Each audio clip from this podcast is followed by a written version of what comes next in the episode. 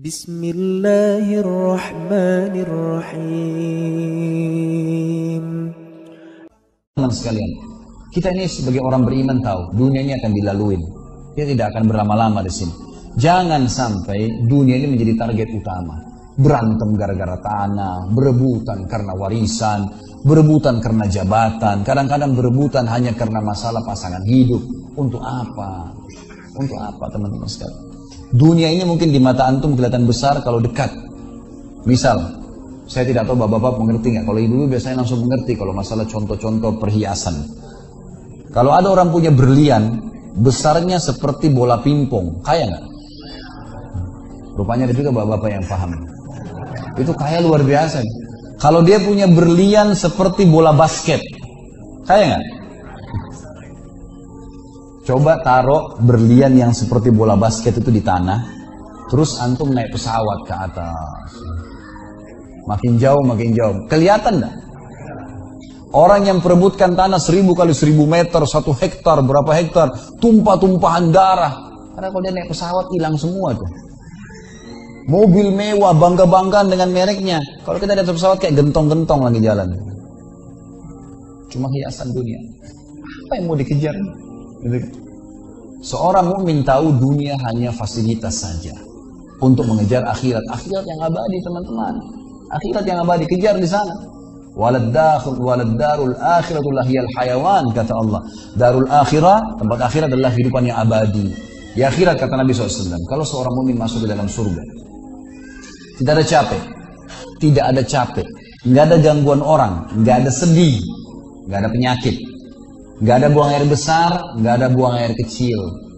Makanan dan minuman yang dimakan ahli surga yang tidak dibutuhkan oleh tubuhnya akan keluar dalam bentuk keringat yang lebih wangi dari bau kasturi. Nggak ada lagi masa tua, nggak ada masa anak-anak.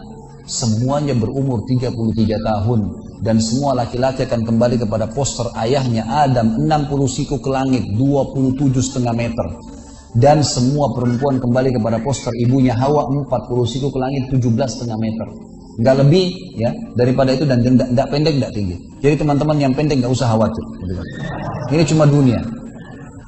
Sampai orang beriman pun tahu kalau ada orang lahir dalam kondisi fisiknya luar biasa, matanya buta, telinganya tuli, tangannya, kakinya semua putus, gitu kan? Itu tetap bagi orang beriman punya nilai, karena itu cuma dunia. Begitu dia meninggal, jasadnya akan dimakan oleh tanah, sebagaimana sabda Nabi SAW, semua jasad kalian akan dimakan oleh tanah kecuali tulang ekor kalian yang darinya Allah akan tumbuhkan kalian. Di akhirat ditumbuhkan jasad yang baru, itu yang akan hidup bersama kita di surga atau di neraka gitu kan? Jadi ini cuma dunia sebentar. Untuk apa dikejar teman-teman sekalian? Ingat Nabi SAW pernah keluar dalam hadis Bukhari dari masjid beliau kemudian beliau menggambar kotak. Lalu beliau mengatakan inilah kotak kehidupan manusia. Seperti meja ini misalnya inilah kotak kehidupan manusia lalu Nabi SAW menggaris dari luar kotak di bawah kaki beliau digaris dilewatin kotak ini sampai melewati kotak tengah di depan panjang Lalu kata Nabi SAW, ini angan-angan manusia. Ini angan-angannya. Angan-angannya melampaui kehidupannya.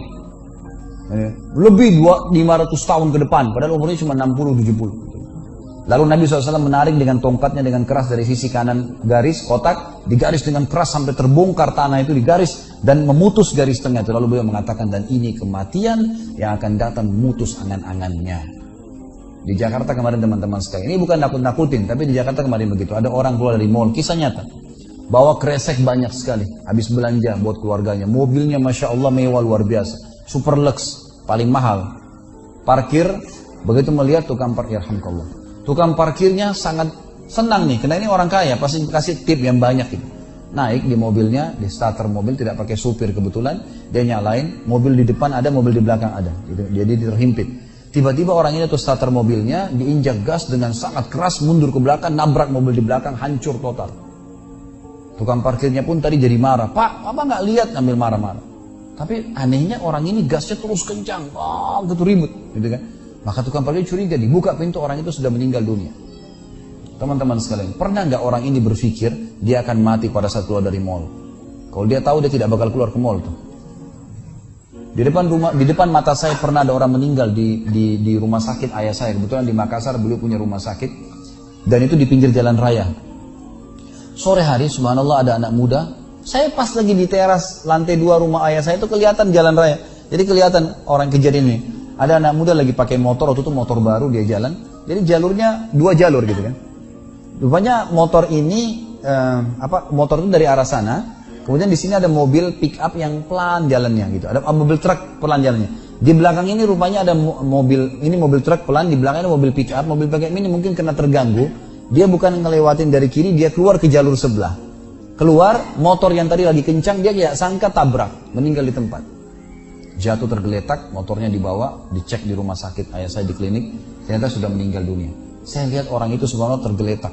Ada beberapa produk yang dia bawa di motornya. Lalu saya bertanya, saya mau hasabah sendiri. Orang ini Pernah berpikir nggak ya untuk keluar rumah tadi akan dia tabrakan, dia akan jatuh? Saya yakin tidak. Kalau dia berpikir dia tidak akan keluar dari rumahnya. Tapi begitulah ajal kalau datang teman-teman sekalian. Kalau datang tidak akan terlambat sesaat atau berkurang sesaat. Harus pahamin, gitu kan?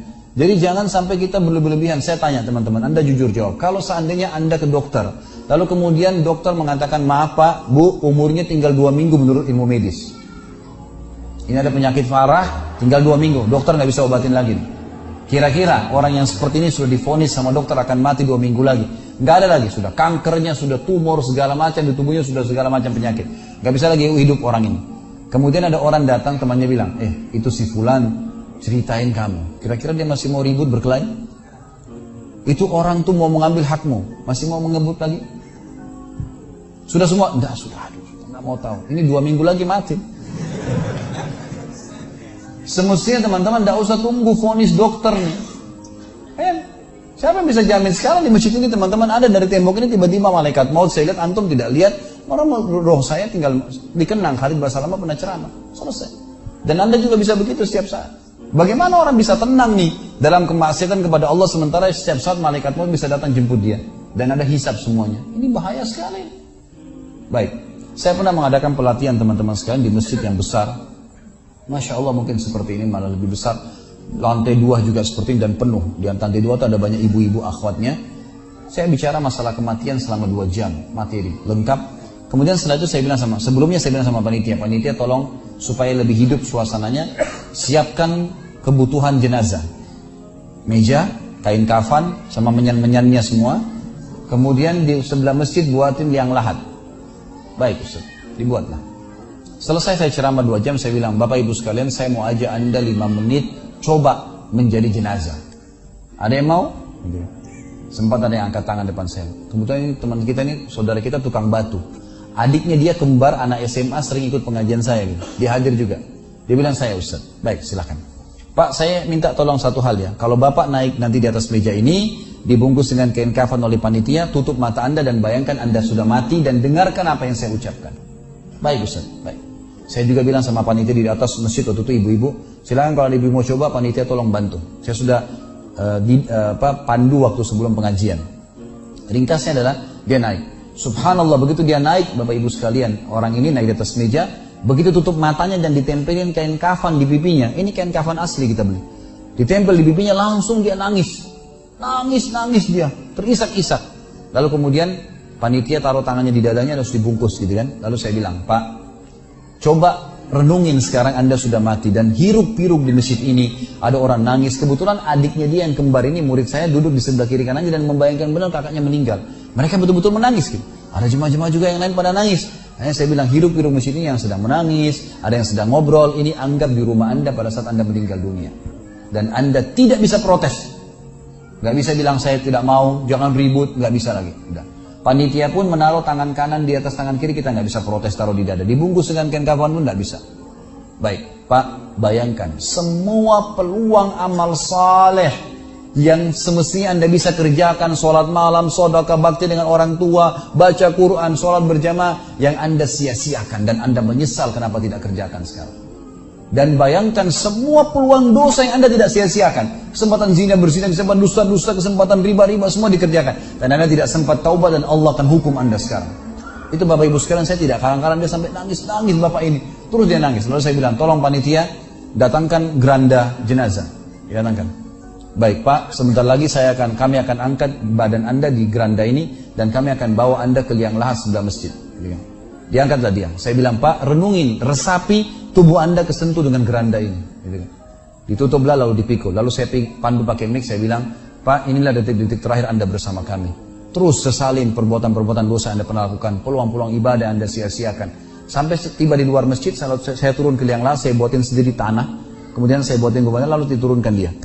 Setelah diturunkan, saya suruh tutup matanya, kemudian ditutup dengan kain. Saya keluar, lalu saya pakai mic, saya bilang, Pak, buka matanya. Inilah rumah Anda sekarang. Walaupun rumah Anda seribu kali seribu meter di dunia, kembali ke satu kali dua meter. Ini tempat Anda sekarang. Dan sebentar lagi malaikat akan datang menanyakan kepada Anda pertanyaan-pertanyaan yang Anda sudah tahu. Selesai. Berapa mungkin sekitar hitungan detik. Ini semua proses kurang dari 5 menit teman-teman sekalian. Lalu saya bilang, buka. Dibuka kain tersebut. Lalu saya bilang, teman panitia bantu. Bapak ini keluar. Keluar dia. Waktu dia keluar dari kuburan, yang lah itu teman-teman, sempoyongan. Kayak orang yang sudah pusing itu keluar. Kemudian saya bawa ke masjid. Saya pegang tangannya masuk ke masjid. Duduk. Lalu saya kasih mic. Pak, tolong ceritakan pengalamannya kepada jemaah jadi jenazah 5 menit. Itu dia pegang mic gemetaran. Ustaz, saya tobat saya durhaka sama orang tua, saya nggak sholat, saya begini. Ini dia lupain ada ribuan jemaah depannya nih. Dia nangis-nangis. Sebutin semua kesalahannya. Semua pada banyak ikut nangis. Uh, kayak orang ketakutan betul. Gitu kan?